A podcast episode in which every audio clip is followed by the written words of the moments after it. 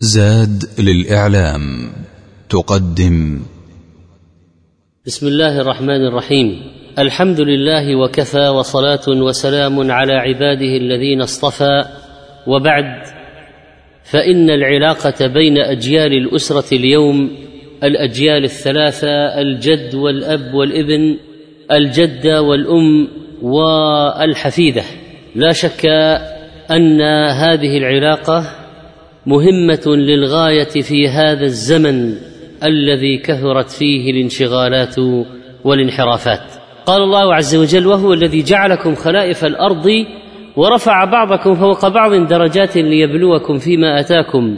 فجعلنا خلائف يعني نعمر الأرض جيلا بعد جيل وقرنا بعد قرن وخلفا بعد سلف ورفع بعضكم فوق بعض درجات يعني في الأرزاق والأخلاق والمناظر والأشكال والألوان وله الحكمة في ذلك عز وجل وكل تفاوت في الخلق فإنما هو صادر عن مشيئته وحكمته تعالى. وإذا كان من المشهور تفاوت أحوال كل زمان عما كان قبله وكل جيل عن الذي سبق فلا شك أن هذا الاختلاف سيؤثر في أحوال أهل الزمان وعاداتهم وأخلاقهم. الناس بأزمانهم أشبه منهم بآبائهم. وإذا كان الاختلاف بين الجيلين امرا تقتضيه طبيعة الحياة واختلاف الأحوال فإن هذا لا يكون عيبا إذا أحسن التعامل معه وأما أن تتحول القضية إلى صراع بين الأجيال وتفكك وانهيار فلا شك أن هذه كارثة اجتماعية كبرى. إذا كان تتابع النسل والذرية أيها الإخوة والأخوات هو من نعمة الله على عباده كما قال سبحانه والله جعل لكم من أنفسكم أزواجا وجعل لكم من أزواجكم بنين وحفدا ورزقكم من الطيبات. معنى ذلك أن عمران الكون يكون بتلاحم هذه السلسلة الاجتماعية الأسرية الأجداد والآباء والأحفاد والتواصل بين وشائجها. وإذا كان التفاوت بين كل جيل وجيل أمرا مشهودا ومعروفا منذ القدم فنحن الآن في هذا الزمن زمن الفضائيات والشبكات. صار عندنا طفرات وقفزات وصار هناك هوات وفجوات وتغيرت الأحوال. وهنا يجب أن نستدرك القضية بتربية سريعة والتفات وخطة إنقاذ عاجلة لإصلاح من خرق. إذا كان التفاوت بين كل جيل وجيل أمرا مشهورا فإننا لا يصح أن نقول إن هذا معناه الرضا بما حصل من التباعد والجفاء والعداوات والتنافرات التي نجدها كثيرا في هذا الزمن. إذا مجلس الأنصار خف بأهله يعني ذهبوا وماتوا. إذا مجلس الأنصار خف بأهله وحلت بواديهم غفار واسلموا فما الناس بالناس الذين عهدتهم ولا الدار بالدار التي كنت تعلم؟ جيل الأبناء نعم يختلف عن جيل الآباء وجيل الاباء يختلف عن جيل الأجداد لكن نجد الآن أن الهوة تتباعد. يعني أن الفارق بين جيل الأبناء والآباء أكثر من الفارق بين جيل الآباء والأجداد أكثر من الفارق بين جيل الأجداد وآباء الأجداد الذين سلفوا. ويوجد في هذا الزمان كثير من المستجدات التي جعلت قضية العزوف عن الاستفادة من خبرات الكبار و إعطاء هؤلاء المتقدمين حقهم واتساع الهوى والشكاوى. فمثلا لماذا لا يسمع أبناؤنا كلامنا في هذا الزمان؟ لماذا لا يستجيب ابني لي كما كنت أستجيب أنا لوالدي؟ لماذا تعتقد بنتي أن تفكيري وتوجيهي رجعي وغير مناسب؟ لماذا لا يخبرني ابني بما يضايقه ويكون في نفسه؟ لماذا لا يرغب ابني في مقابلة أصدقائه في مقابلتي لزملائه؟ لماذا تصرف بنتي وقتا أطول؟ مع زميلاتها أكثر مما تصرفه معي لماذا لا يرتاح أولادي في المنزل ويفضلون البقاء في المقاهي أو الكافي شوبس ومع زملائهم؟ يقول أحد الأباء من المفارقات العجيبة أن الأبناء في الماضي كانوا يطلبون رضا الوالدين ولكننا في الزمن اليوم يكاد الأباء أن يطلبوا رضا أبنائهم. ويقول آخر إن اللوم يوجه للجيل الحاضر من الشباب الذي يتصف بالعناد والغرور وعدم التماسك وفقدان الانتماء والإحساس باللامبالاه ولا شك أن هذه الشكاوى التعميمية غير صحيحة لأنه لا يزال يوجد من الخير في هذه الأمة ومن الصلاح في جيل الأولاد وهنالك من المحاسن الموجودة الكثير. وإن كانت الشكاوى صارت أكثر من ذي قبل بطبيعة الحال. وإذا كان هذا ما نسمعه من الآباء فإننا في الجهة المقابلة نسمع من الأبناء شكاوى أيضا. للأسف جيل الآباء متشدد في آرائه ومن الصعب أن يغير قناعاته. آباؤنا لا يتصورون ابدا أنه يمكن أن يكون هناك رأي صائب بخلاف ما يقولونه. لماذا هذا التقديس للعادات والتقاليد؟ لماذا هذا الخوف المفرط علينا بلا مبرر؟ لماذا هذا القتل لطموحاتنا وهواياتنا وميولنا؟ لماذا يظنون دائما أن لابد أن نكون نسخة منهم؟ يقول أحد الشباب العلاقة بيني وبين أبي علاقة متوترة باعتبار الفارق الشاسع بين تفكيري وتفكيره فوالدي بالإضافة إلى فارق السن الذي بيننا فإنه لا يكاد يحسن آه، التعامل معي في الأساليب وأنا أستشير أخي أكثر مما أستشير أبي بكثير فإن أخي يتفهمني أكثر مما يتفهمني أبي في كل قضية من قضايا حياتي. يقول آخر لقد فهموا مسؤولياتهم تجاه جيلنا على أنها رعاية ورعايتهم هذه سرعان ما تحولت إلى وصاية والوصاية يعني تحكم. آه، ويقول ثالث الآباء يفكرون بطريقة قديمة الأبناء يفكرون بطريقة جديدة آه، أولئك في خندق الرجعية والتخلف نحن في صف التحضر والتقدمية. الأم تتهم البنت أن تحمل في رأسها أفكارا طائشة بينما البنت تنظر إلى أمها بنوع من التخلف.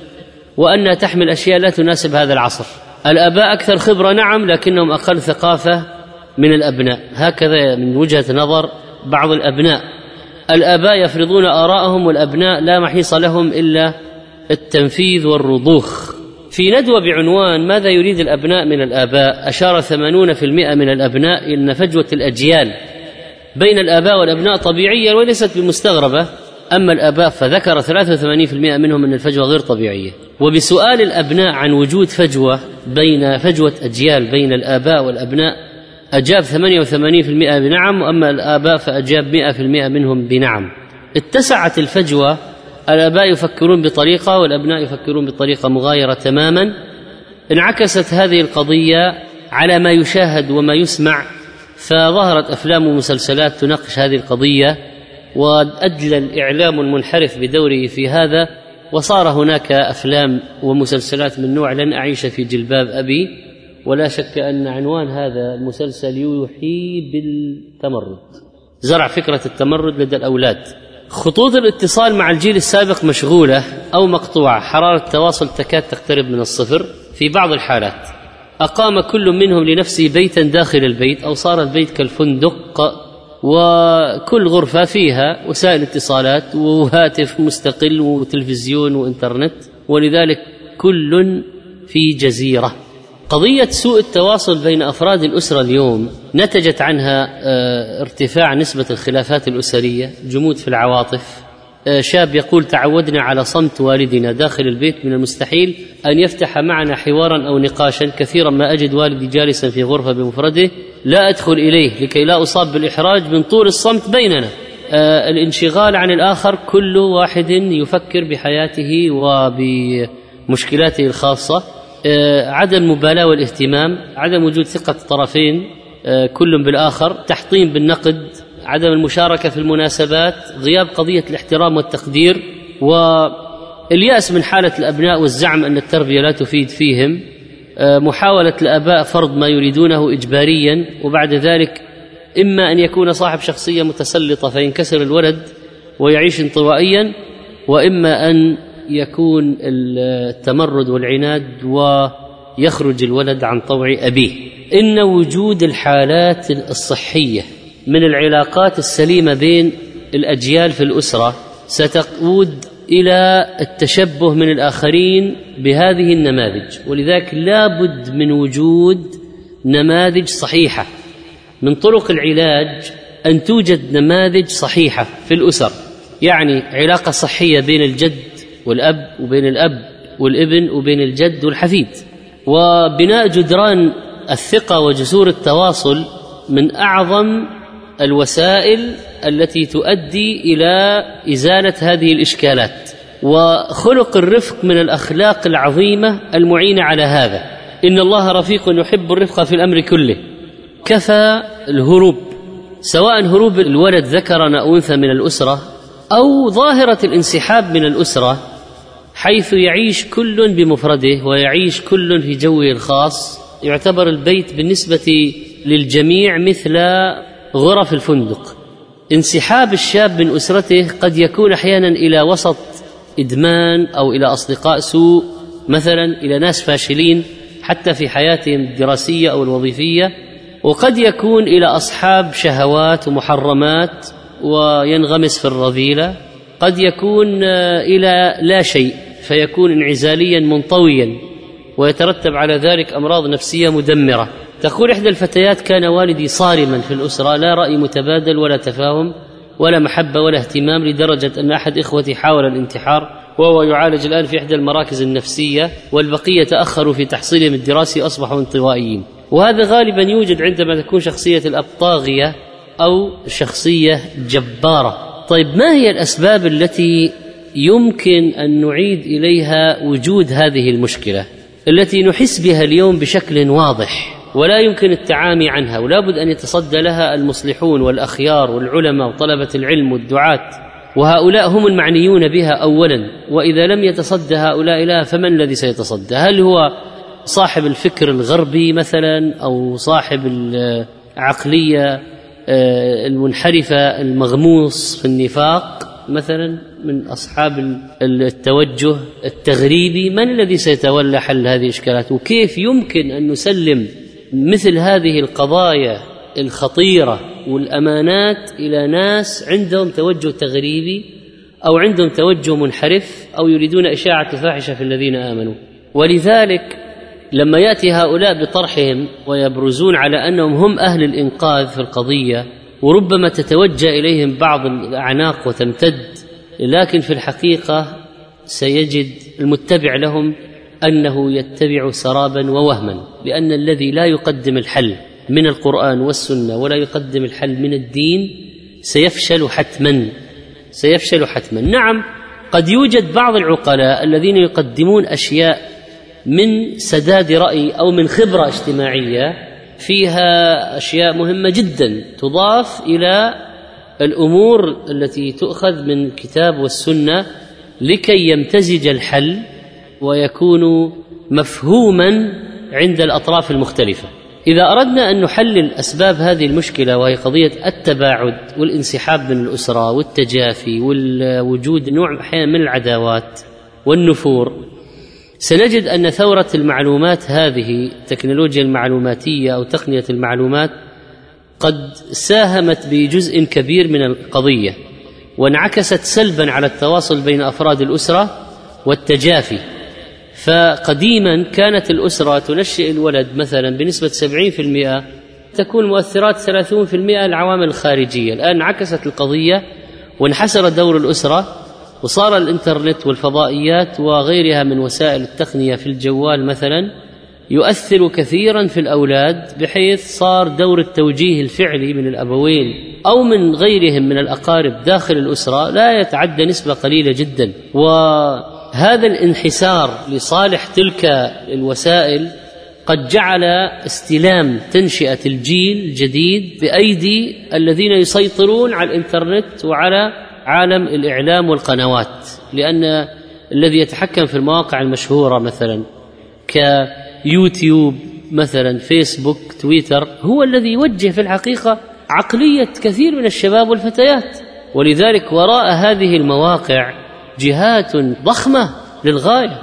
وإذا كان الولد عاكفا على جواله وعلى بريد الإلكتروني وعلى هذه المواقع والمنتديات بساعات طويلة جدا وكذلك على القنوات الآن وخصوصا عندما تخرج قنوات الجيل القادم من القنوات التي يختار فيها هو الأفلام وما يشاهده لأن القضية لن تكون فقط برامج يعني متوالية وهو لا يملك إلا أن يتفرج لا هو الآن سيختار. ستكون القنوات تعرض في ذات الوقت عدة أفلام مثل قائمة الطعام فيختار هذا ويحمله ويراه يختار هذا ويسحبه ويجذبه بتقنيه التحميل والتنزيل ويراه. ستكون سرعة التدفق عبر الشبكة بتقنية ال fiber التي وصلت الآن إلى بعض المنازل ستكون عالية جدا بحيث يأتي تلفزيون أو تقنية تلفزيونية المعروفة ب IPTV لتكون القنوات على الشبكة وبالتالي سيختفي الدش هذا الطبق اللاقط سيختفي تدريجيا لأن هذه المحتويات أو القنوات ستشاهد عبر الشبكة في هذا الجهاز أو في الشاشة الكبيرة. فمعنى ذلك مزيدا من التسلط لاندماج الجوال والشبكة والقنوات التلفزيونية على عقول أبنائنا وبناتنا وبالتالي سنتحمل مزيدا من التغيير وعبئا اضافيا من الممانعات ومن الحواجز ومن تنشئة هؤلاء على عقليات أو على مبادئ التي يؤثر فيها آه، معدو وصانعو المعروضات والمنتجات الموجودة في الشبكة والجوال والقنوات. وإذا كانت يعني الأفلام ساهمت بدور كبير في قضية التمرد عند الشباب والفتيات فمعنى ذلك أن المسألة ربما تزداد وتصل إلى ما يشبه القطيعة ويشبه أيضا العداوة وهذه قضية خطيرة جدا. ثقافة التمرد أو مبدأ التمرد تشتمل عليه أفكار كثير من الأفلام والمسلسلات. والمعروضات التمرد التمرد بعث الجيل على التمرد على الجيل الذي قبله وعلى الواقع المحيط به وعلى الأنظمة وعلى القوانين وعلى الأعراف وعلى آه، طبعا الدين بالدرجة الأولى التمرد ثم التمرد ثم التمرد. واضح جدا هذه يعني هذا الزخم الكبير الذي تعطيه هذه المعروضات وتصبه في أسماع وأبصار وعقول وقلوب آه، أبنائنا وبناتنا.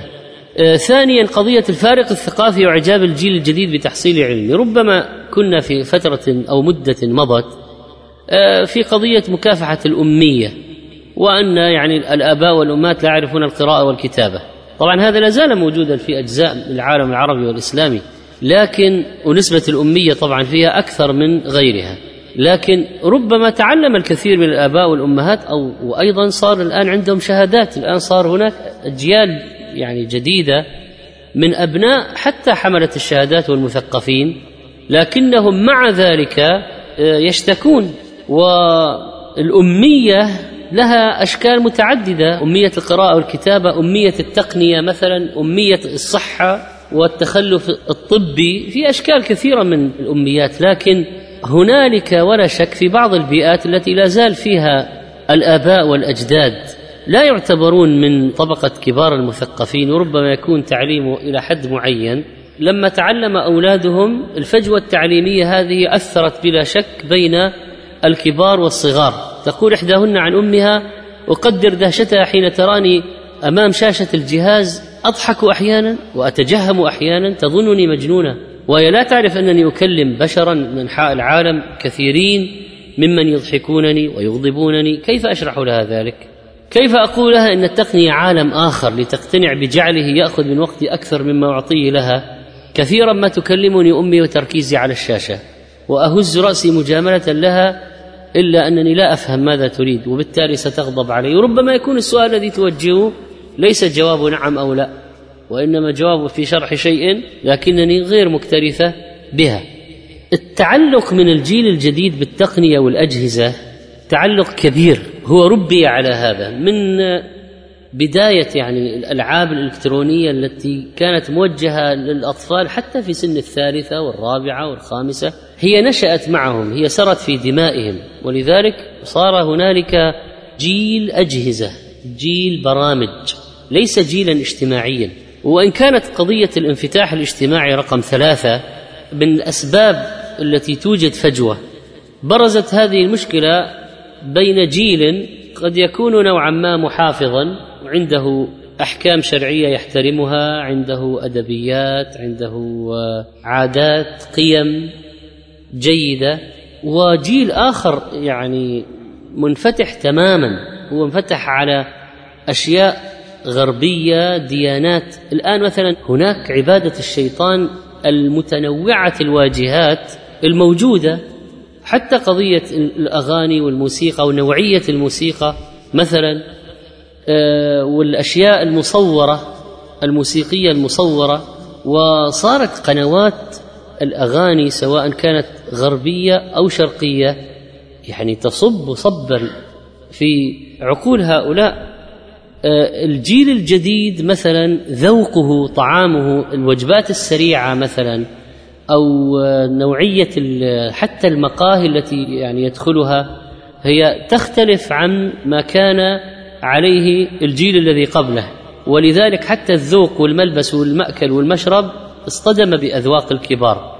طريقة التفكير الحكم على الأشياء كذلك. آه، الهوايات القراءات كذلك. تقول إحداهن عن أمها هوة الأجيال والتعليم والاهتمامات بيننا سحيقة ومهما كانت تحبني وأحبها فلن نستطيع أن نتقابل إلا لزيارة أقارب أو على مائدة الطعام حتى في التلفزيون أذواقنا مختلفة هي تريد قنوات أنا أريد قنوات أخرى. هي لا تحب مثلا الأفلام الغربية أو الأشياء الحوارية أو لا تطيق رؤية أغاني الفيديو كليب مثلا وتصفها بالخلاعية تصطدم مع كل مشهد جريء في أغنية أو فيلم. أنا أرى أن الأشياء الجريئة هذه والخروج عن المألوف أنها تعتبر صرخة وصيحة وشيء جاذب وأجد له في نفسي تقديرا وأجد له في نفسي تشجعا. هكذا صار اذا الجيل الجديد يتلقف الخارج عن الدين وعن المألوف وعن العادات الإسلامية. صار يراه شيئا جذابا. صار يرى الخروج هذا أو التمرد شجاعة جرأة لها لذة خالف أخرج. هذا الغزو والبث المستمر على العقول في قضية خارج خالف وأخرج عن المألوف صار لها بلا شك أثر كبير في العداوة بين الجيل والجيل الذي قبله. رابعا قضية اختلاف الزمان وتغير الأحوال. وبعض الأجداد والآباء آه، يحشرون نفوسهم مثلا في كل شيء. ويريد أن لا يتخذ ولد قرارا إلا بالرجوع إليه وأن لا يتصرف تصرفا إلا بإذنه. وربما تكون هذه الطريقة ماشية مع الجيل الذي قبله. يعني هو يتحمل أباه الجد. يتحمل أباه لما كان يأمره ينهاه. لكن الابن الآن لا يتحمل أباه عندما يأمره وينهاه. كأن القضية صارت في التوجيه تحتاج إلى مراعاة أكثر من ذي قبل. مسألة الأوامر والنواهي ولا تتخذ قرار حتى ترجع إلي ولا تفعل شيئا حتى تستأذني ما صارت مقبولة عند كثير من الأبناء أو الأحفاد. وتذكر بعض الدراسات أن من أسباب الانتحار في المجتمعات الغربية أن ربع من فكروا أو أقدموا على الانتحار فعلوا ذلك بعد أن خاب أملهم في وجود من يسرون إليه بمعاناتهم. اذا أحيانا الشخصية المتسلطة أو العقلية المتسلطة أو قياس الابن يعني قياس الابن في المعاملة مع أبيه على معاملة الأب للجد خطأ. من جهة أن الزمن اختلف لكن ليس معنى ذلك أن يترك المجال والحبل على غاربه. صحيح مثلا أن نسبة الأوامر والنواهي ممكن تخف الأسلوب ممكن يتغير.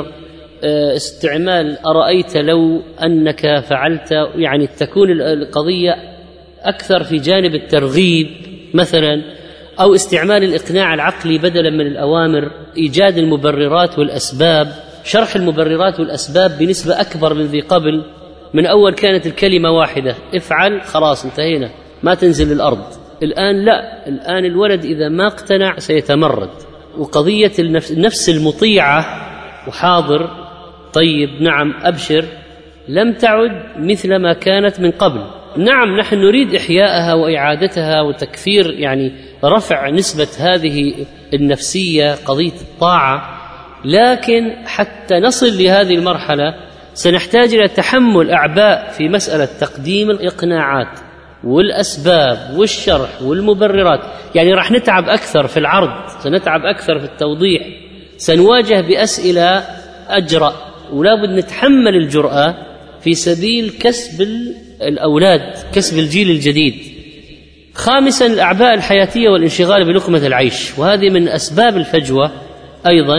وقوع الأسرة في طاحونة أعباء الحياة ودوران الآباء والامهات في دوامة البحث عن زيادة الدخل في وقت قد زادت فيه الطلبات وزادت فيه التكاليف والأمور تتجه إلى تآكل الطبقة الوسطى في المجتمع وازدياد الفقراء. الأمر الذي يجعل الآباء يبحثون دائما عن مصدر دخل إضافي وانشغال أكبر عن الأولاد بسبب هذا الشيء. وإذا احتاج أن يمتهن أكثر من مهنة ويعمل في أكثر من مكان وربما في ثلاث وظائف حتى يؤمن لأولاده أو لأسرته يعني حياة مقبولة بالنسبة لما يشاهدونه ويقارنون بينهم وبين الآخرين. ويرجع معنى ذلك في إلى ساعة متأخرة الليل منهكا متعبا وكذلك الام ستعمل لأنه لابد من عمل الأبوين لمواجهة آه، تكاليف الحياة. معنى ذلك انشغال مزيد من الانشغال عن الأولاد ويصبح الوقت الذي يقضى معهم قليلا وسيمتد التقصير إلى تربيتهم على الفرائض والواجبات الشرعية وصلة الرحم. مثلا اصطحابهم إلى الصلاة آه، متابعة آه، مثلا حفظهم للقرآن أو كذلك تعليمهم أحكام الله تعالى آه، تربيتهم على الأخلاق والآداب وهكذا. فمن جهة السعي لتلبية حاجات الأولاد المادية هناك سعي واضح. أما قضية السعي في التربية الدينية والخلقية والأدبية فهنالك تقصير واضح أيضا. الله عز وجل قال اعلموا أنما أموالكم وأولادكم فتنة وأن الله عنده أجر عظيم. يقول ابن القيم رحمه الله ومعلوم أن اشتغال الناس بأموالهم والتلاهي بها أعظم من اشتغالهم بأولادهم المال يلهي أكثر من الولد.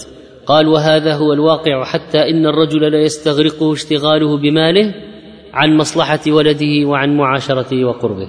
بدائع الفوائد. تشير الدراسات في بعض البلدان أن الآباء يجلسون مع أبنائهم الصغار بمعدل دقيقتين في اليوم فقط ومع ابناء المراهقين أربع دقائق في اليوم. ف يعني ما كان في السابق هذا الانشغال الكبير الذي يؤدي إلى الانصراف وعدم تعود الجيل على أن يجلس مع الجيل الذي قبله وبالتالي يتكلم وينفتح ويصارح ونقاش. مثلا سادسا الفارق العمري. فارق السن الكبير بين الآباء والأولاد لا شك أنه سيأتي بنتائج مؤثرة في الموضوع. ومن العوامل المؤثرة تأخر سن الزواج لأن أنت الآن تتزوج مثلا عمرك 18 سنة راح يكون الفارق بينك وبين ولدك مثلا 19 سنة. لكن لما تتزوج عمرك 30 سنة راح يكون الفارق بينك وبين ابنك 31 سنة. هذه مشكلة تأخر سن الزواج يعني زيادة الفجوة بين الآباء والأبناء بطبيعة الحال. تأخر سن الزواج نتيجة غلاء المهور مثلا تكاليف الزواج البائضة التي تجعله حتى يتخرج ويتوظف وفي الوظيفة يعني يقضي وقتا طويلا لتجميع المهر وتأثيث البيت ونحو ذلك. هذا من أسباب تأخر سن الزواج. وكلما ابتعدت المسافة العمرية بين الجيلين ضاقت مساحة التوافق الثقافي والعلمي والفكري بين الجيلين. وصار فارق السن الكبير مؤثرا في مسألة الاقتناع والأخذ والعطاء والفهم. والمصادقة للأولاد. فإذا أراد الأب مثلا أن يكون قريبا من ولده الراشد أو البالغ فلا بد أن يتفهم طبيعة هذا السن. فإذا لم يكن بعيد العهد عنها سهل عليه أن يتذكرها وأن يعامل ولده بناء عليها. لكن إذا كان مضت عليها سنوات طويلة جدا يعني عشرات السنين على هذه المرحلة ينسى الأب طبيعة مرحلة المراهقة. وينسى ما مر به هو شخصيا وينسى حقائق عن هذه المرحلة.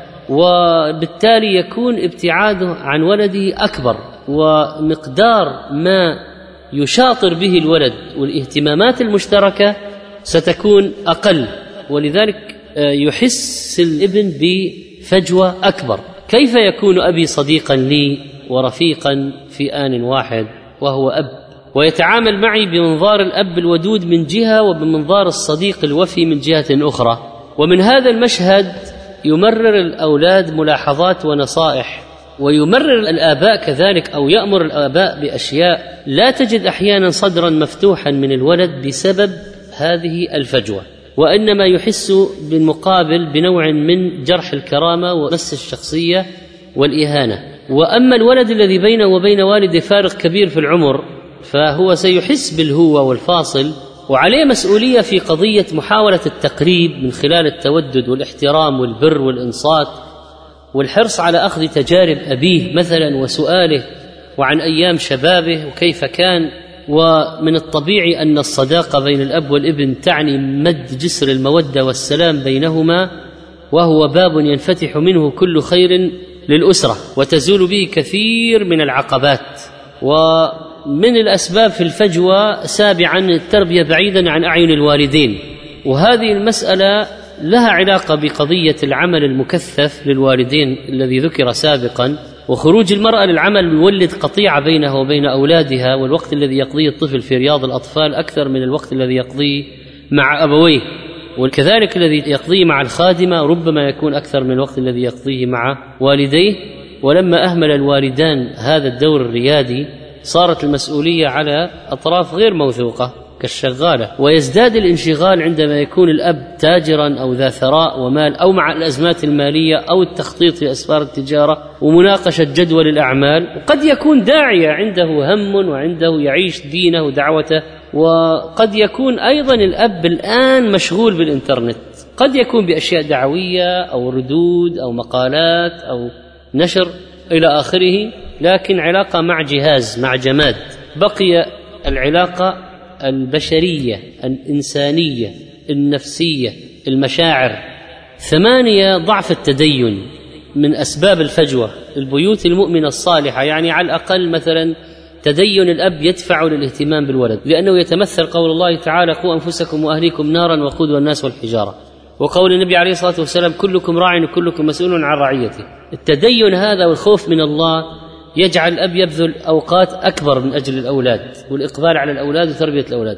كذلك في الصعيد الأولاد على صعيد الأولاد تدين الولد يجعل يقبل على أبيه برا به وحرصا عليه واحسانا إليه واحتساب الأجر في خدمته ومؤانسته والكلام.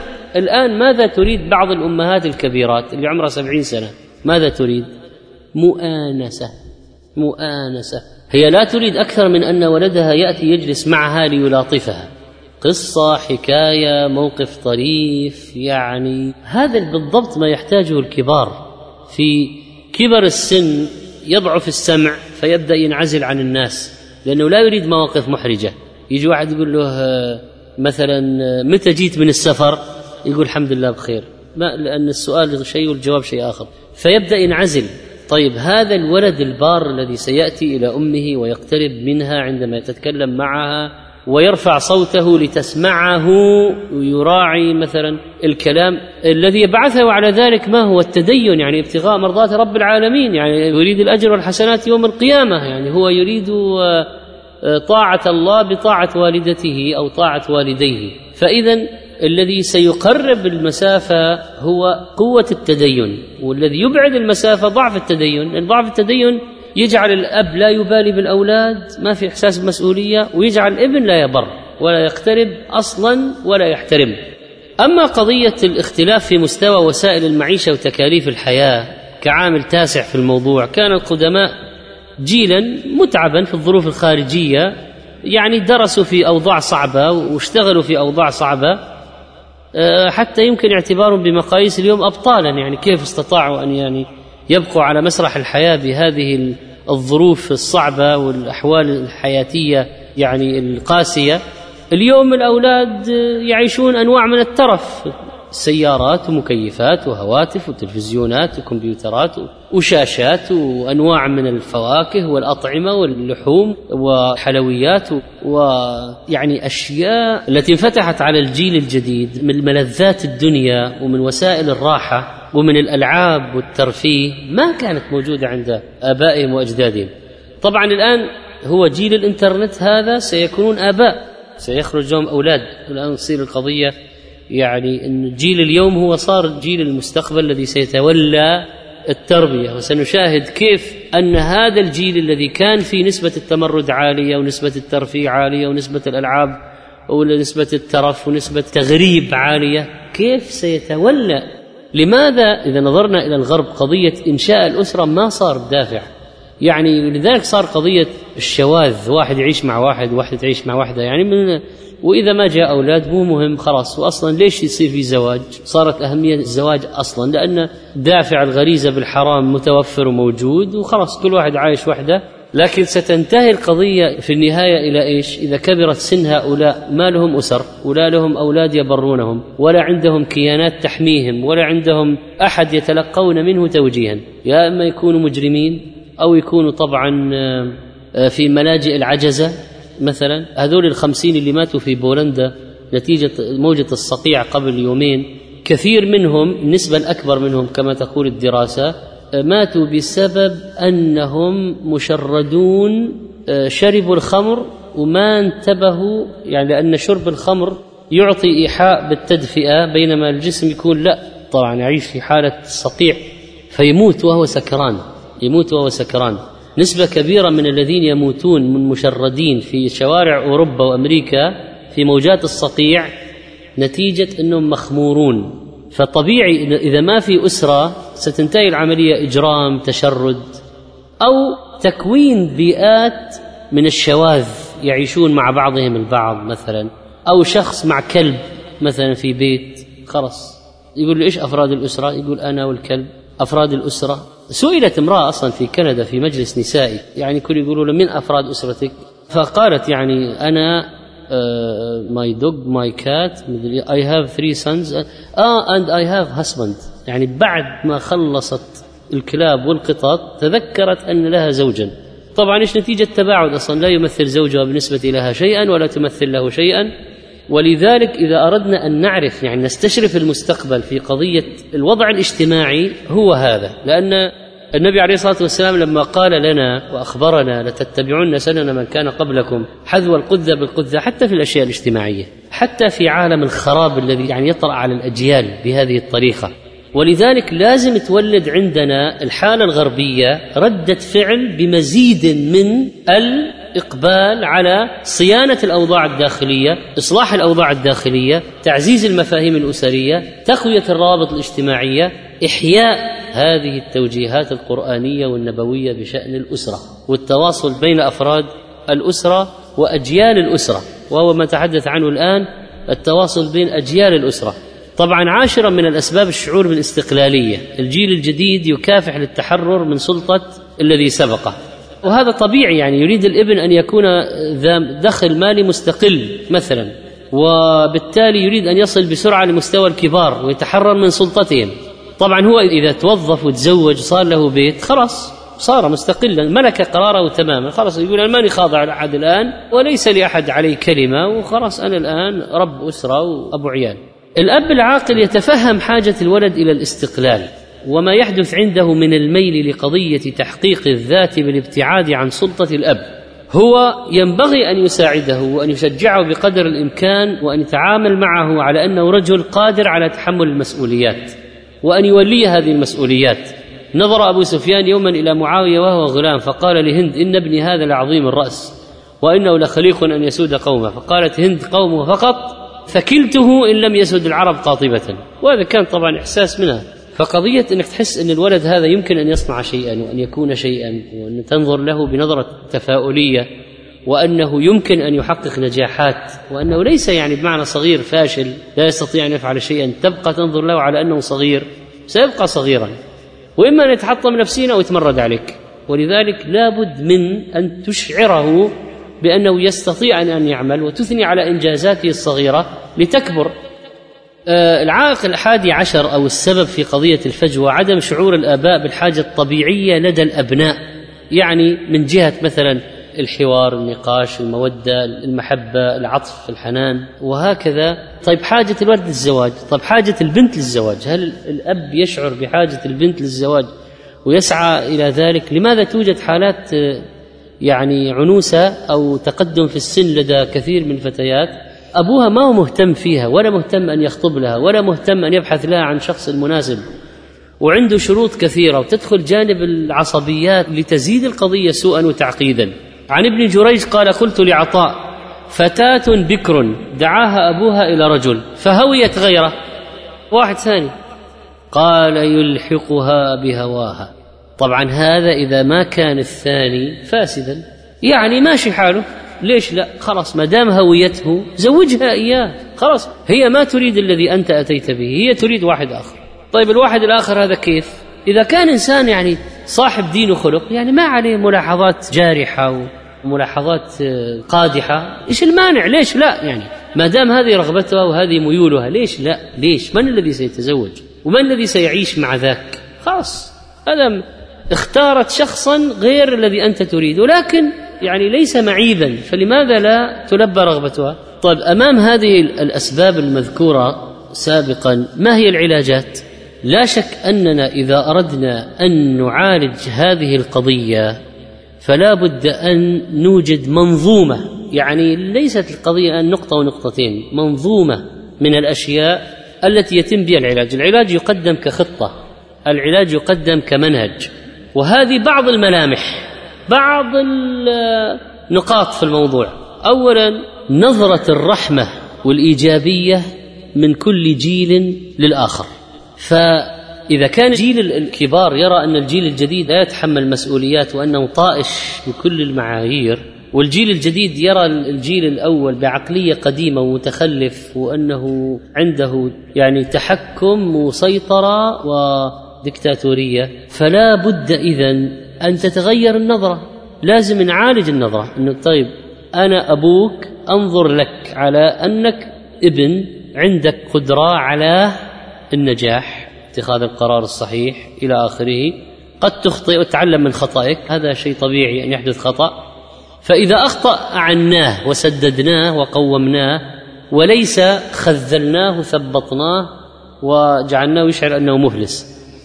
يعني مسألة الاختلاف في الرأي ينظر الجيل كل جيل إلى الآخر بنظرة سلبية وهذا لا شك أنه يسبب عائقا والاختلاف التام لن يأتي بنتيجة في التوصل إلى آه، حل. خالفت في الرأي كل ذي فخر يا مالي والحق غير ما تصف. نحن بما عندنا وأنت بما عندك راض والرأي مختلف. إذا لابد من اتفاق. حتى يعني الغرب الأعداء الذين بينهم حروب أدركوا أنه لابد من الجلوس للحوار والتفاهم للوصول إلى نتيجة محاولة عقد مقاربات و بدلا من الحروب والمواجهات لماذا لا تكون هنالك مشاركات؟ فصارت النظرة من قبل الأحلاف المتعادية في العالم مختلفة بعد الحرب العالمية الأولى والثانية والحرب الباردة. يعني ادركوا ان الحروب ويلات. طيب لا إحنا نعيش في عالم واحد خلونا نتفاهم. فجلسوا وخرج منها السبعة الكبار والدول مدري إيش ومجموعة كذا وحلف كذا. ليش؟ تفاهموا. فبدلا من أن يصبحوا رؤوسا متناطحة صاروا امما متوافقة. وصار هناك بينهم كثير من المصالح المشتركة. ما هي الآن المصالح المشتركة؟ ما هي النقاط المشتركة؟ ما هي الحوارات التي تؤدي إلى التقريب؟ هذه المساله الثانية وهي جلسات المصارحة ويتم التعارف فيها على نقاط التوافق والاختلاف فيكون هنالك تعاون للتقريب ولن يعدما اتفاقا. والرفض والسكوت والانفصام معناه زيادة الفجوة وانهيار الثقة بين الطرفين. لما يكون في حنان رحمة صداقة بين الجيلين هذه العلاقة تتحمل ما يحدث من اختلاف وجهات النظر. فلازم يكون في مشاعر دافئة. لابد يكون هناك علاقة خاصة. لأن هذا أب وهذا ابن هذه أم هذه بنت هذا حفيد هذا جد. معناه لابد نتيجة الرحم. لأن هذا من دم هذا وهذا من لحم هذا. وهذا من صفات هذا سلالة هذا نسب هذا. طيب هذه القضية لابد معناه يكون إذا هذا ابنك هذه بنتك معناه أنه في أشياء مشتركة في صفات وراثية. طيب العلاقات الشخصية الحسنة يعني المحبة المتبادلة تتحمل الخلاف لو طرأ ولا بد من خلاف. في جيلين كل واحد له عقلية وزمن مختلف فلا بد أن تنشأ اختلافات. لكن عندما تكون هنالك علاقات حسنة من الطرائف طلبت بنت الأعمش من الأعمش حاجة فحجبها بالرد ردها فقالت والله ما أعجب منك ولكن أعجب من قوم زوجوك. لكن خلص أصلا الوضع يتحمل يعني ما ما في ومثل هذه مقبولة وتمشي وربما تكون سببا لأن يوافق. رقم أربعة الاستيعاب ولو بالكلمات يعني الكلمات المريحة وعدم العناد. كل طرف ليس لديه استعداد لاستيعاب الآخر. هذه هي المشكلة. طيب إذا صار عنده رغبة في استيعاب الآخر يعني قرر الأب أن يستوعب الابن وقرر الابن أن يستوعب الأب. إذا صار في قرار مشترك. عند ذلك ستكون ألفاظ مثلا حاضر سأفعل إن شاء الله أبشر سمعا وطاعة خصوصا من الأصغر للأكبر. سيكون لهذه الكلمات مفعول سحري. وسمعا وطاعة قالوا سمعنا وأطعنا. يعني هذه كلمة وما شابهها من كلمات حتى العامية حتى سم وأبشر وحاضر وطيب ولا يصير خاطرك إلا طيب. ستجدني عند حسن الظن. الكلمات التي فيها إيجابية أو التي فيها استجابة أو التي فيها يحس الطرف الآخر بالقبول إنه مقبول وكلامه مقبول وأن أمره مقبول وأن توجيهه مقبول. طبيعي أن الجيل الأقل الأدنى الأصغر لازم يكون في هذا الجانب أكثر. هو الأب دائما سيقول ولد حاضر سمعا وطاعة على أمرك. هذا كلام الولد لابد أن يكون. فلا بد أن يعرف هذا لابد أن يعرف الولد أنه ينبغي عليه أن يبادر بألفاظ إيجابية فيها قبول وسمع طاعه للأب والأب عليه أن يكثر الإنصات للولد. أن يكثر الاستماع الاستماع للولد. يسمع له. خلي الولد. تعبر عن مشاعره ويخبر بما حدث اليوم في المدرسة يتكلم بما في نفسه. خلاص لو عنده اعتراض أو عنده عدم ارتياح لشيء معين دعه ينفس. نفس عندك أحسن ما ينفس عند صديق سوء. خمسة التهادي. إن الهدية حلوة كالسحر تجتلب القلوب. تدني البعيد من الهوى حتى تصيره قريبا. ولا شك أن هذه الهدية لها أثر إنساني لها أثر يعني في إخماد نار الضغائن والعداوات وفض النزاعات. قالوا الهدية تفتح الباب المصمت لو عندك باب ما ينفتح تفتح الهدية. لانها تدل على محبة بريد القلب إلى القلب شعار التقدير عنوان التكريم تطيب الخاطر بعض الأمهات إذا أهدى لها ابنها هدية لا تزال تذكر هديته وتفاخر بها في مجالس النساء ابني أعطاني هذه. شوفوا إيش أعطاني ابني. وتكرر وتعيد. وكلما حضر ناس جدد جابت الهدية. المسألة معناها الهدية لوحدها لها قيمة وإذا صارت من الولد لها قيمة أكبر. فن تقديم الهدايا للآباء والأمهات لا يحسنه إلا قليل من الأبناء والبنات. وأيضا في الجانب المقابل لا شك لأن هذا الأقدر على الإهداء. يعني الأب والأم عندهم المال الناحية المالية أكبر من الأبناء والبنات يعني في العادة.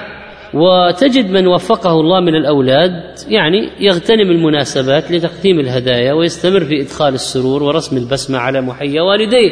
هذه عملية تقريب مهمة جدا. سادسا التبسم. لأن حديث تبسمك في وجه أخيك لك صدقة معناها أن لها أثر في النفس وان هذا التبسم يطرد به الشيطان ويصلح به فساد القلب وتوطد به العلاقات. يعني لو قلنا بعبارة أخرى البشاشة ما هو فقط التبسم؟ لأن بعض مذيعي الأخبار عندهم بسمة تجارية لزوم المهنة باردة ما في أي بشاشة نقول تقول بشاشة وطلاقة الوجه أقبل عليه غير. البر شيء هين وجه طليق وكلام لين. سابعا المرونة التربوية. يعني ينبغي أن ندرك الآباء أهمية المرونة التربوية تجاه الأولاد لأن الصرامة المفرطة والتشديد البالغ غالبا يؤدي نتائج عكسية. والمشكلة أن بعض الآباء عندهم ردة فعل من هذه. يقول أنا أبي اضطهدني. كان يستعمل الشبشب واللي والخرطوم وسلك الكهرباء. طيب إيش النتيجة؟ النتيجة أنه هذا الآن مع ابنه صار يعطيه كل شيء. طب ولدك يدخن؟ خلي هو يعرف الضرر بنفسه مستقبلا يقتني على وحده. يا سلام. طيب إذا كان هذا يعني أحيانا يكون هو صغر السن على تقليد الآخرين على عوامل أخرى. طيب الولد ما راح يكتشف إلا إيش؟ بعد ما يصاب بسرطان ولا تفسد نصف رئته مثلا ولا إيش؟ ولذلك ما يصبح قضية خلاص يعني إنه ترك الحبل على الغارب للولد كردة فعل. أنا من اللي شفته من أبي من القسوة خلي ولدي يسوي كل شيء. يعني وابتغي بين ذلك سبيلا بين ذلك قوامه التوسط هذه مبدأ مهم جدا. إذا أنفقوا لم يسرفوا ولم يقتروا. فلا تصير كاتم أنفاس الولد ولا بالذي تطلق له الحبل على الغارب. يقول احدهم أبي يربيني تماما كما تربى هو واعتاد من أبي فكثيرا ما ينهل علي بالضرب الشديد. ففي ذات الوقت بعضهم صار عنده يعني نتيجة مفاهيم تغريبية وبعضهم نتيجة دورات دورات مسمومة تلقى مأخوذة من كتب غربيين من مصادر بعيدة عن الشريعة الإسلامية أو من قراءة في كتب نفسية واجتماعية غير موثوقة. ألفها ناس ترجموها من كتب الغرب. فصار عندهم الكتب هذه كتب تطرحها بعض المكتبات التجارية الكبيرة بعضها تطرح كتب مترجمة. الكتب هذه أو بعض الدورات غير موثوقة في مضامينها لأنها تحمل سما زعافا. هي فيها الاستسلام لرغبات الأولاد. الحرية. كذا هو أصلا التعليم الحرية. أطلق له الحرية. الحرية والإبداع. عندهم الغرب كذا. الإبداع يتولد من الحرية. أعطيه الحرية الكاملة حتى يبدع. طيب والحرية الكاملة قد تعني إن الولد يزني ويقع في اللواط ويشرب الخمر ويدخن ويتعاطى المخدرات وخلاص. إذا بتعطيه حريته كاملة ممكن يجيب لك بنت بالحرام على البيت مثلا ممكن يفعل أشياء يعني سيئة للغاية مع داخل البيت وخارج البيت. فمسألة التوعية مسألة النقاش لا تصير القضية أيضا مسألة الأوامر والنواهي. الإكثار من التعليلات الأدلة الشرعية والتعليلات العقلية هذه مهمة في الإقناع.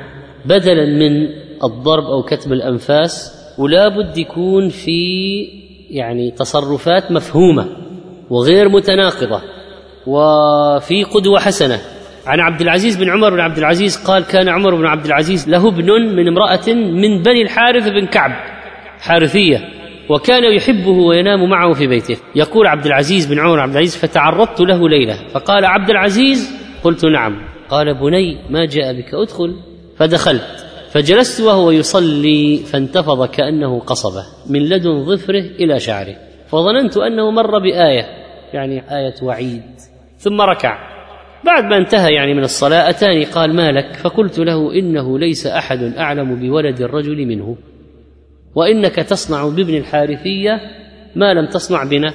فلست آمن أن يقال هذا من شيء يراه عنده ولا يراه عندهم. معناه ما هم بارين فيه. ما ينام عندهم مثل ما ينام عند ذاك. فقال أعلمك هذا أحد؟ في أحد تكلم بالكلام هذا؟ قلت لا. قال فأعد علي. فأعدت. فقال ارجع إلى مبيتك. فرجعت. وكنت أبيت أنا وإبراهيم وعبد الله وعاصم جميعا. هذول أولاد أولاد الأم الأخرى. فإذا نحن بفراش يحمل ثم تبعه ابن الحارثية. قلت ما شأنك؟ قال شأني ما صنعت بي. قال نعيم بن ميسرة كأنه خشي أن يكون جورا. كتاب العيال بن أبي الدنيا. يعني لما أبدى الولد ملاحظة صحيحة في قضية العدل تقبلها أبوه بقبول حسن وعمل المطلوب العدل. ثمانية أسلوب الحوار لغة الحوار. الحوار غير الجدال العقيم. الحوار ليس هو المراء. الحوار هو أخذ وعطاء وسؤال وجواب وتبادل وتلاقح لغة الحوار هي ما في حط الولد وألقي عليه محاضرة لأن الولد سيمل. الحوار يجعل التلقي سائغا ويجعل هناك تجاوب ويشعرك إذا كان هو متقبل للفكرة ولا لا. وأدلة القرآن خير شاهد على هذا. وهنالك حوارات كثيرة في القرآن حوارات كثيرة. يعني حتى بين إبراهيم وأبيه وبين نوح وابنه. وبين وبين إبراهيم وإسماعيل. أظهرت دراسة على عينة من طلاب الثانوية بمدينة الرياض أن 87% منهم يرون أن غياب الحوار يؤدي إلى حدوث مشكلات أسرية. بل يعد افتقاد التواصل داخل الأسرة أحد العوامل الأساسية في نشوء أفكار منحرفة بين الشباب والانحرافات السلوكية والمشكلات النفسية. و85% من آباء الطلاب لا يعرفون قيمة الحوار ولا يعترفون به ولا يقدرون حق قدره. ويقول لك أنا أب إيش حوار مع حوار؟ خلاص حط الولد عطي الأوامر فهموا الخطأ صح يقول يلا امشي ويا ويلك إذا خالفت. بس. الحوار إني أعطيه الأوامر وأعاقبه إذا خالف. هذه يعني ليست هي التربية كلها. جزء من التربية ماشي. لكن الحوار أيضا ليس فتح باب إساءة الأدب من الأبناء. بمعنى إنه والله إذا اعطيناهم مجال الحوار تمردوا علينا. لا. الحوار المنضبط الحوار الشرعي الحوار المحكوم الحوار المتزن لأن بعض الناس الآن يقول لك الحوار خلي الكافر يكفر وخلي المرتد يقول كل الذي عنده من الردة. وبعدين إيش استفدنا؟ كل حزب بما لديهم فرحون. راح يطلع عندك مجموعة كيانات كل ناس عندهم مرئيات وعندهم توجهات وعندهم نظريات وعندهم مبادئ لهم ومتمسكين فيها وبس خلاص. المقصود بالحوار هو التوصل للحق. أهم فائدة للحوار وأهم مبدأ في الحوار التوصل للحق. ما هو الحوار إنه كل واحد يقول وجهة نظره وبس؟ طيب إيش استفدنا؟ تاسعا استخدام التقنيات المعاصرة.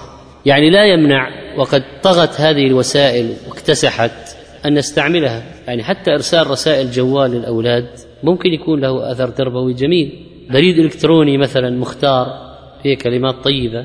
تهاني تحية طرفة. و تظهر أهمية هذه التقنيات في التواصل مع الآباء والأبناء لا سيما من كان بعيدا عنهم. يعني الآن لما صار عندنا سبعين ألف مبتعث وقد يزيد العدد الآن. طيب في خطورة كبيرة بلا شك ولذلك بعض المبتعثين تنصروا حقيقة والأخطر من ذلك أن بعضهم ألحدوا ملاحد الآن ما يعترف بوجود الله أصلا.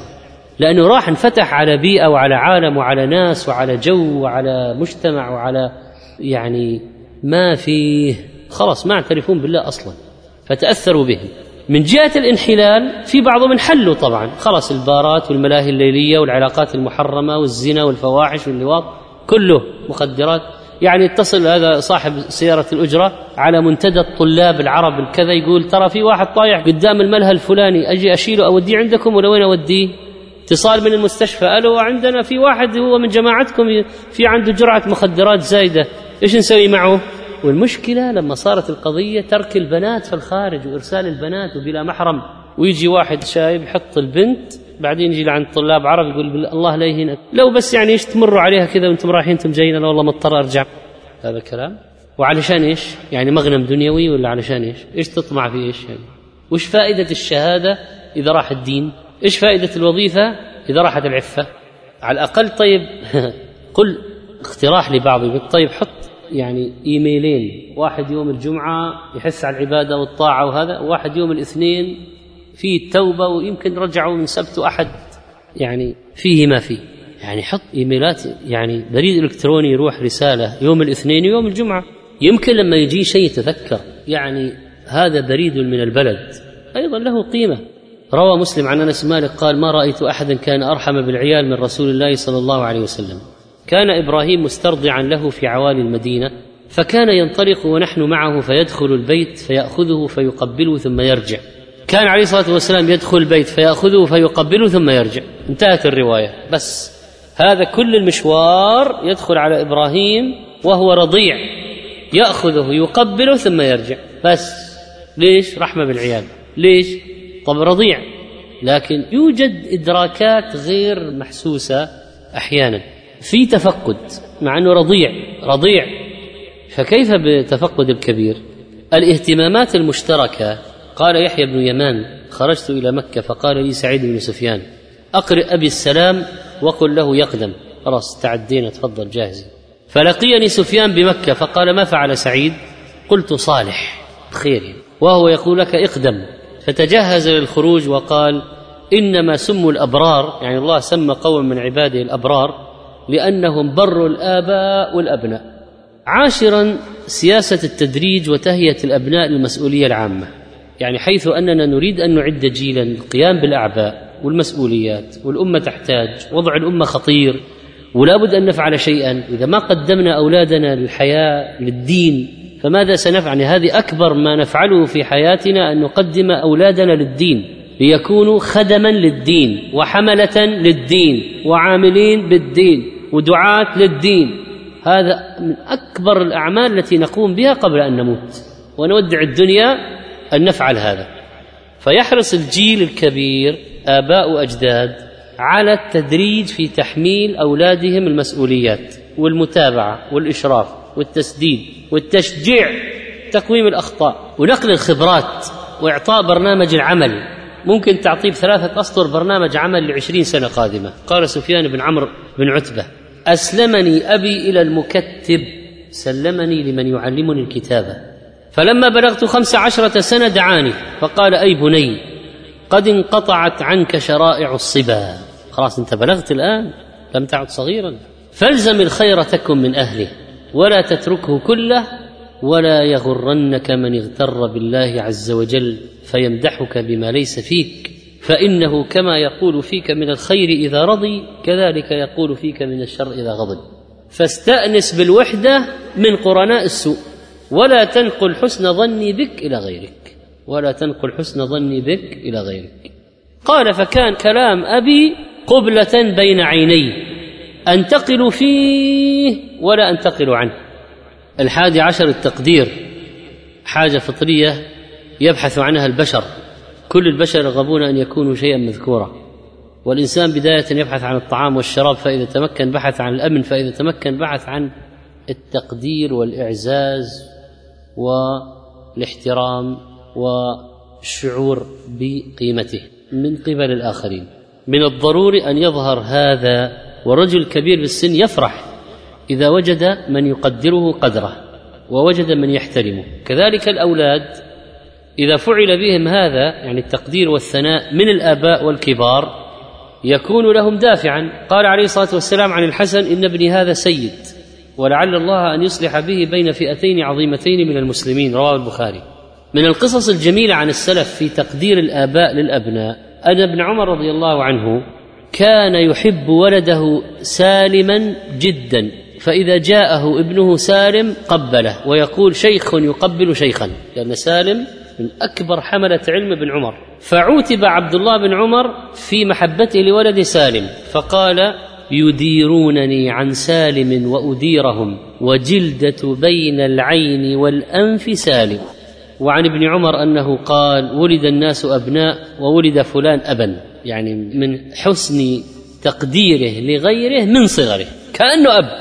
اذا يعني قضية أن يعزز الأب ابنه ويفتخر الابن بأبيه لأن خذها من الناحية المقابلة وكل الأولاد يا أيها الولد افتخر بأبيك افتخر بالأشياء الحسنة التي عنده لا يخلو من شيء إيجابي. هذا الأصمعي قال إن رجلا قال لجرير الشاعر من أشعر الناس؟ قال قم حتى أعرفك الجواب من أشعر الناس؟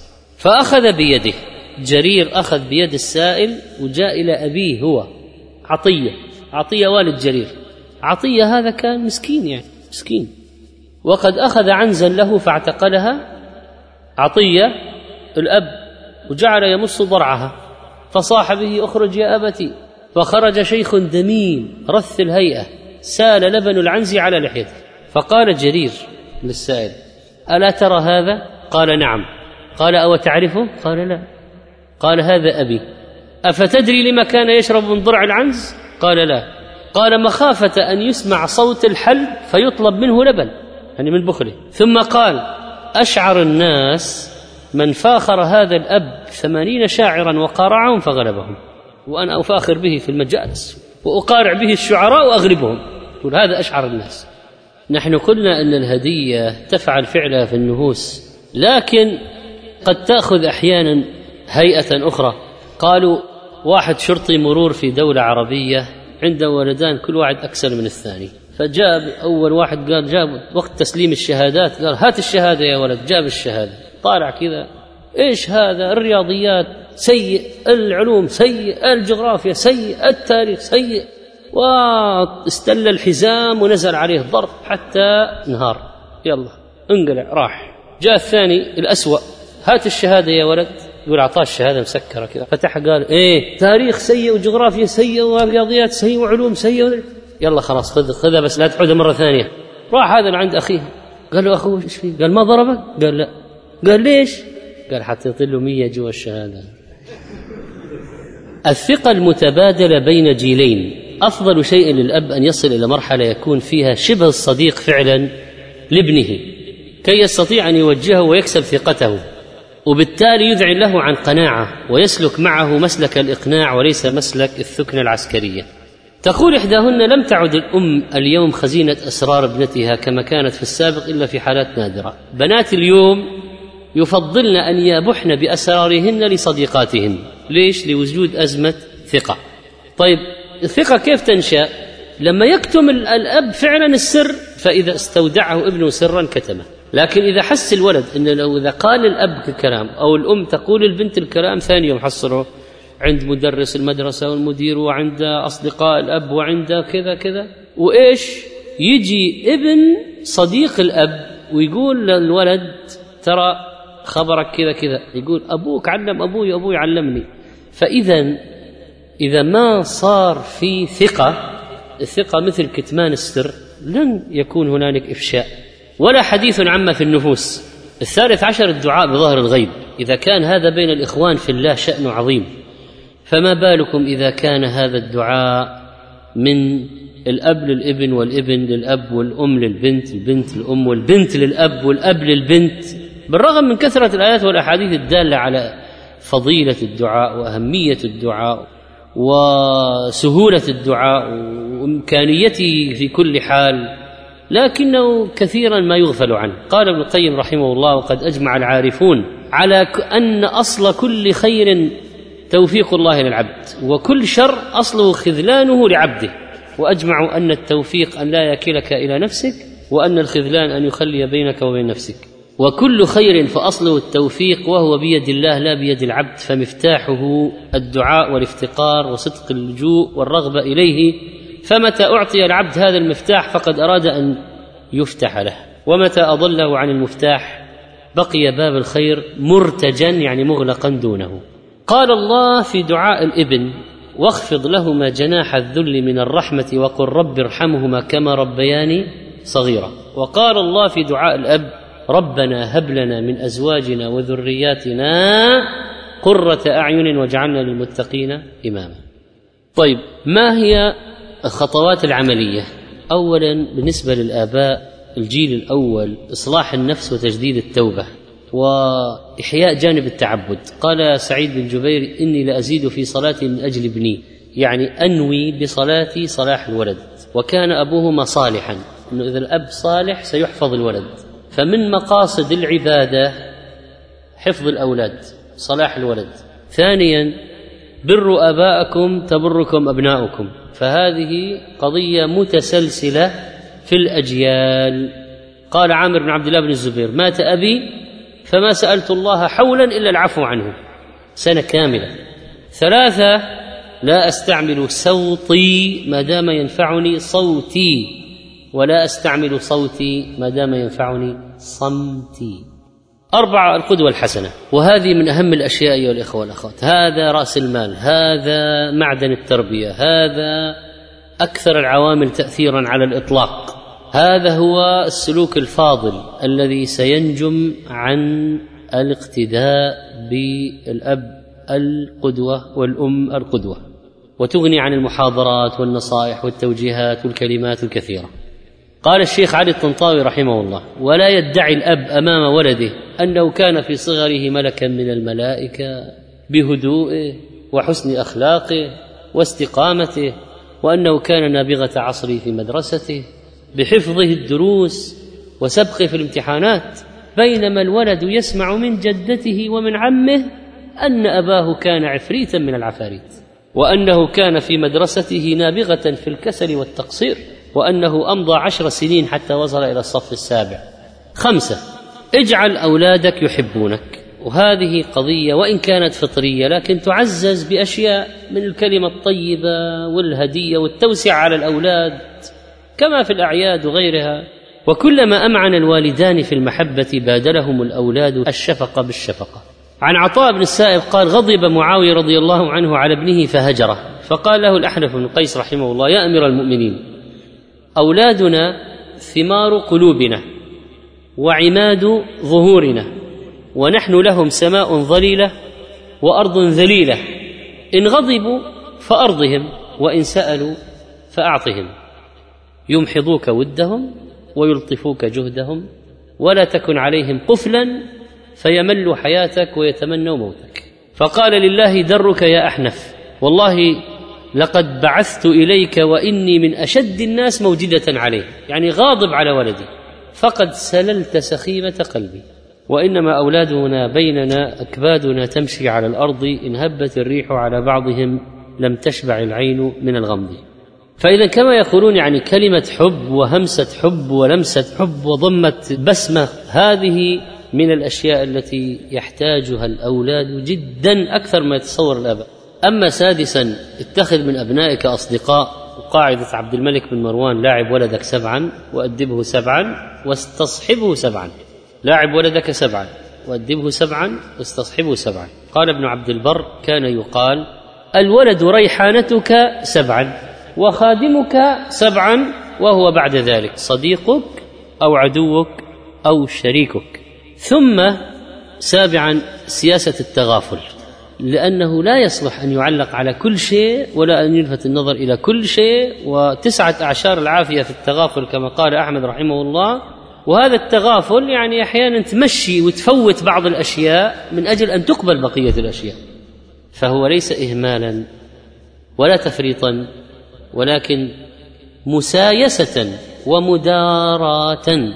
ثامنا طفلك ليس أنت. بعض الآباء من فرط محبته لأولاده. يريد أن يرى فيهم كل ما يحلم به. والأم تنظر إلى ابنتها تريد أن تحقق لها كل الأحلام التي كانت تدور في مخيلتها عن بنتها. وحتى الأشياء التي هي عجزت عنها في صغرها تريد أن البنت الآن تحققها. في غمرة هذا ينسى الأبوان قضية رغبة الولد. من الحكم المشهورة لا تكرهوا أولادكم على آثاركم فإنهم مخلوقون لزمان غير زمانكم. أو ربوا أولادكم لزمان غير زمانكم. تاسعا استمرار التواصل مهما تقدم العمر بالولد. قال عبد الله بن عمرو أنكحني أبي امرأة ذات حسب فكان يتعاد كدنته فيسألها عن بعلها فتقول نعم الرجل من رجل لم يطأ لنا فراشا ولم يفتش لنا كنفا منذ أتينا. فلما طال ذلك عليه انطلق إلى رسول الله صلى الله عليه وسلم فشكاني. الفارق بين عبد الله بن عمرو بن العاص وأبيه عمرو بن العاص كما يقول الذهبي وليس أبوه أكبر منه إلا بإحدى عشرة سنة. تزوج عمره عشرة بلغ مبكرا جدا من نبوغه. عمرو بن العاص. تزوج عمره عشرة وأنجب عبد الله عمره 11 سنة. فالذي ينظر إلى عبد الله بن عمرو العاص وإلى عمرو بن العاص يظنهما شقيقان النبي عليه الصلاة والسلام كذلك طرق فاطمة بعد زواجها من علي كان يزورهما. فإذا لا تتخلى عن العلاقة مهما كبر السن. يقول زرنا قرية نائية في بادية فوجدنا واحد شايب كبير في السن. يقول تعرفنا عليه. فلان. إيش اسمك؟ قال أنا اسمي كذا. عرموط. قلنا إي والله إنك عرموط. كم عمرك؟ قال الحين 130 قالوا هذا اللي عندك. قال هذا ولدي. كم عمره هذا؟ هذا عمره 110 قال أنا لما كان يعني هو سبعين وأنا عمري تسعين كان هو يعني يعتني في ويقوم بشأني ويخدمني فلما هو صار عمره ثمانين تعب صرت أنا الحين أنا أعطف عليه وأقوم بشأنه. وأنا يقول ورأينا أن شعره قد اسود وأسنانه قد نبتت. سبحان الله الظاهر إذا واحد فاق في الدورة يعود شيء منها. ولله في خلقه شؤون وعجائب. التقينا في الصيف الماضي بشيخ كبير في تهامة يصلي وحده في المسجد. مسجد في جبل. هو يأذن وهو يصلي. إن جاء أحد صلى ما جاء أحد صلى وحده. وعمره يعني تقريبا على ما يروي 125 سنة. يعني يقول يذكر يعني حكم الأتراك من قديم ويذكر. طيب وماذا تقول للناس الآن؟ يعني لو تريد أن تنصح قال أقول لهم الصلاة ثم الصلاة ثم الصلاة. الصلاة أهم شيء الصلاة. يعني بعض كبار السن ترى عندهم فعلا يعني خلاص عرفوا وعركوا شافوا. بالأخير خلاصة الدنيا هذه كلها أهم شيء في الدنيا الصلاة. وهذا يوافق وصية النبي عليه الصلاة والسلام قبل أن يموت. فإنه قال الصلاة الصلاة. وما ملكت أيمانكم. عاشرا أنت تربي ابنك عدة للمستقبل ولا تسرف في تدليله. فبعض الآباء من العاطفة يرفه الولد ترفيها زائدا حتى يفسده. قال السباعي رحمه الله رأيت كثيرا من الآباء أفرطوا في تدليل أبنائهم ردة فعل لقسوة آبائهم معهم. وهكذا يؤدي عدم الحكمة في التربية إلى متاعب جيلين فأكثر. كان الوليد بن عبد الملك يلحن كثيرا في كلامه. حتى قال لمرة لأبي أقتل أبي فديك. مثلا يقولوا أقتل أبا فديك. قال مرة يا غلام رد الفرسان الصادان عن الميدان. رد الفرسان المثنى ينصب بإيش؟ بالياء. رد الفرسين والصفة تتبع الموصوف الصادين. قال عبد الملك أضر بالوليد حبنا له فلم نوجهه إلى البادية. يعني لو أننا ما يعني تعلقنا به التعلق الزائد كان أرسلناه البادية ليستقيم لسانه فأتى له بمدرس نحو فصار أسوأ مما كان. الآن أنت كيف على بالك يعني الأولاد مع المدرس الخصوصي؟ الولد هو اللي يمشي المدرس. يقول له أنا مشغول تعال لي بكرة وكذا بس يكفي لي خلاص عشر دقائق خلاص لا حلها أنت. يعني ليش؟ لأن هذه طبيعة هذه حياة الترف حياة الترف. مدرس خصوصي شبه ما له قيمة يعني. ولذلك أصلا هو مدرس خصوصي يكشف له الأسئلة اللي تجي الامتحان يعني ربينا جيلا غشاشا ما هي الفائدة للأمة. ويعني على وجه العجلة تقدير المراحل العمرية للأولاد إذا انتقلوا من مرحلة إلى أخرى هذه مسألة مهمة. الحرص على تسكين الجد في البيت حتى يكون في تواصل في الأجيال وما يحس الكبير بالانعزال. ويقال للأولاد في المقابل وأنتم بالنسبة لآبائكم لا بد أن تبروهم. البر الذي أمرت به الشريعة من التوقير ليس منا من لم يوقر كبيرنا والتقدير. ثانيا الحذر من العقوق. والله عز وجل تهدد. طبعا العاق من الذين لا يدخلون الجنة. قال زيد بن علي لابنه يا بني إن خير الأبناء من لم يدعه البر إلى الإفراط ومن لم يدعه التقصير إلى العقوق. من بر الوالدة. فبر الوالدين من أعظم وأيسر وأقرب الطرق لنيل رضا الرحمن. عن عائشة قالت قال رسول الله صلى الله عليه وسلم نمت فرأيتني في الجنة فسمعت صوت قارئ يقرأ. فقلت من هذا؟ قالوا هذا حارث بن النعمان. فقال رسول الله صلى الله عليه وسلم كذلك البر كذلك البر وكان أبر الناس بأمه. رواه أحمد وهو حديث صحيح. ثم ثالثا يجب على الولد أن يلتمس حسن الظن للوالدين يعني هو الأب إذا قسى فتقول لي قسى من مصلحتي. والأم إذا زادت على ابنتها تقول أرادت الخير بي وهكذا. ف يقول أحد عقلاء الأبناء إننا كشباب علينا أن نعترف بفضل أهلنا ونحترم ونأخذ بآرائهم مهما كانت مخالفة لنا. ويجب أن لا ننسى أنهم تعرضوا أيضا لانتقادات من آبائهم واستطاعوا تفاديها حتى وإن كانت قليله مقارنة بما يدور هذه الأيام. كان حيوى بن شريح يقعد في حلقة العلم وعالم كبير فأمه تصرخ من داخل البيت يا حيوى قم فألقي الشعير للدجاج. هي الآن عندها الأولويات الدجاج والشعير.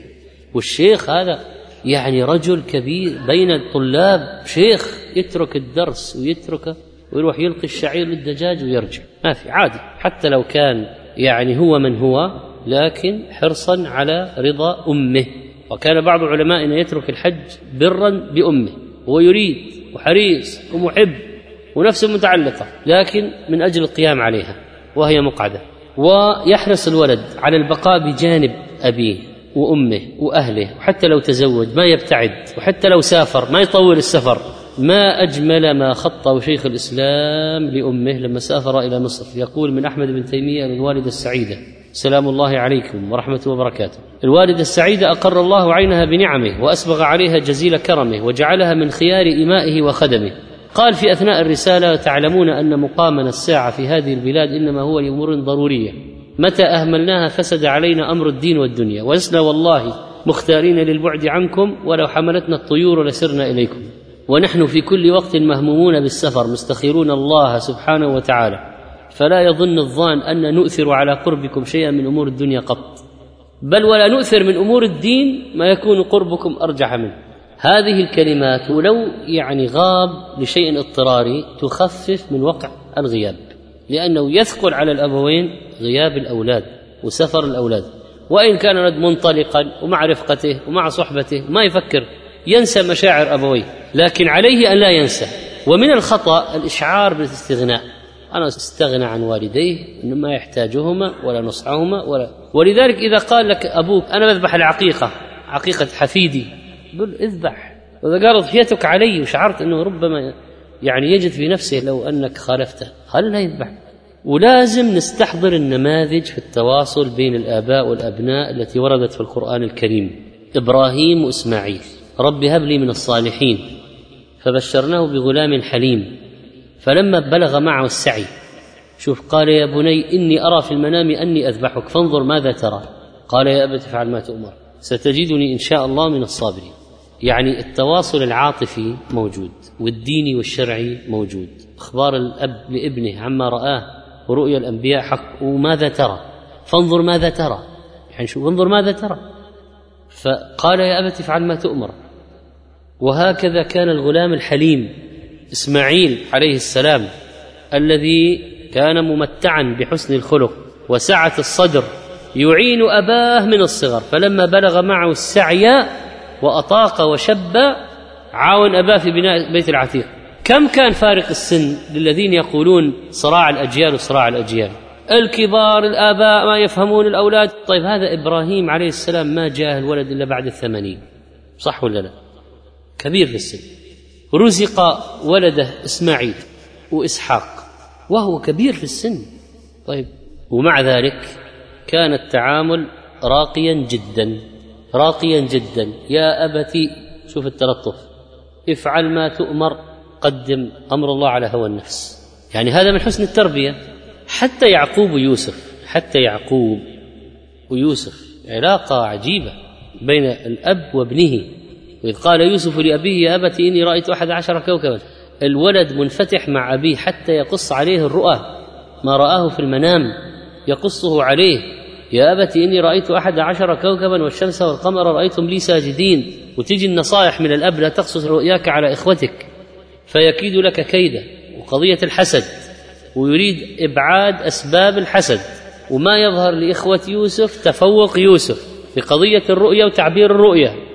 وربط العداوة بالشيطان حتى يوسف استعمل ذلك في خطاب إخوانه فقال لهم من بعد فقال في خطاب في الكلام على ما حدث بينه وبين إخوانه أمام أبيه وأمه من بعد أن نزغ الشيطان بيني وبين إخوتي فوضعها على الشيطان رغم أن إخوته كان عصيانهم واضحا وقضية يعني كيف الأب يشعر الولد بالقيمة والمنزلة وكذلك يجتبيك ربك ويعلمك من تأويل الأحاديث يعلم الفضل لله.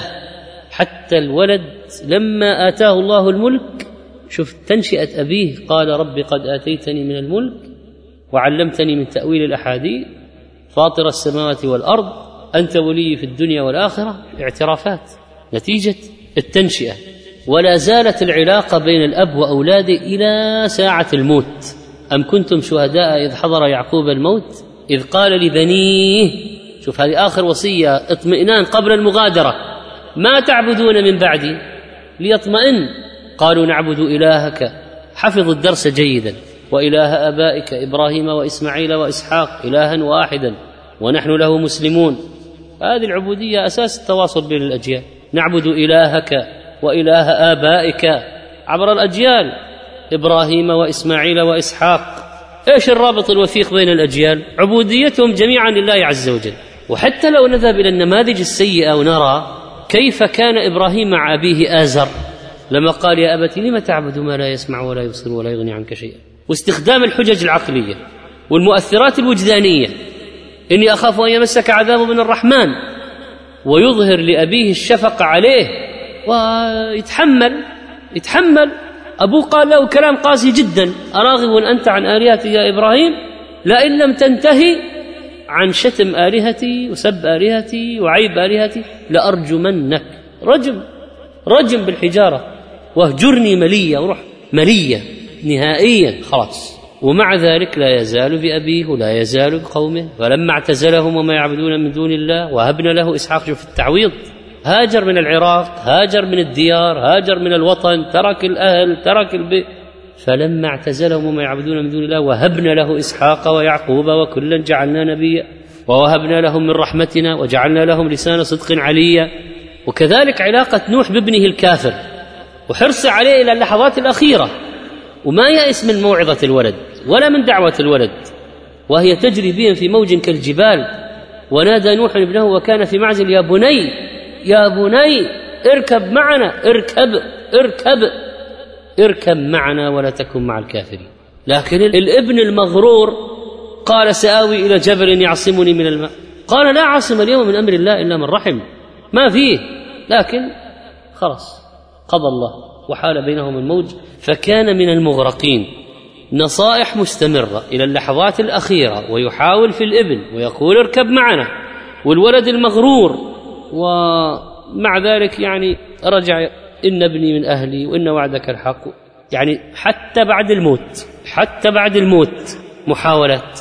هذه النماذج يعني بين الآباء والأبناء من القرآن الكريم تعطينا نبراسا ومعالم ومنهجا في التعاون والتعامل والدعوة. حتى لو كان الأب أو الابن كافرا كيف يكون التواصل؟ نسأل الله سبحانه وتعالى أن يجعلنا هداة مهتدين غير ضالين ولا مضلين وأن يغفر لنا أجمعين وأن يجعلنا بآبائنا وأمهاتنا من البارين وبأبنائنا وبناتنا من القائمين بحقوقهم وحسن تربيتهم إنه على كل شيء قدير وبالإجابة جدير والحمد لله رب العالمين.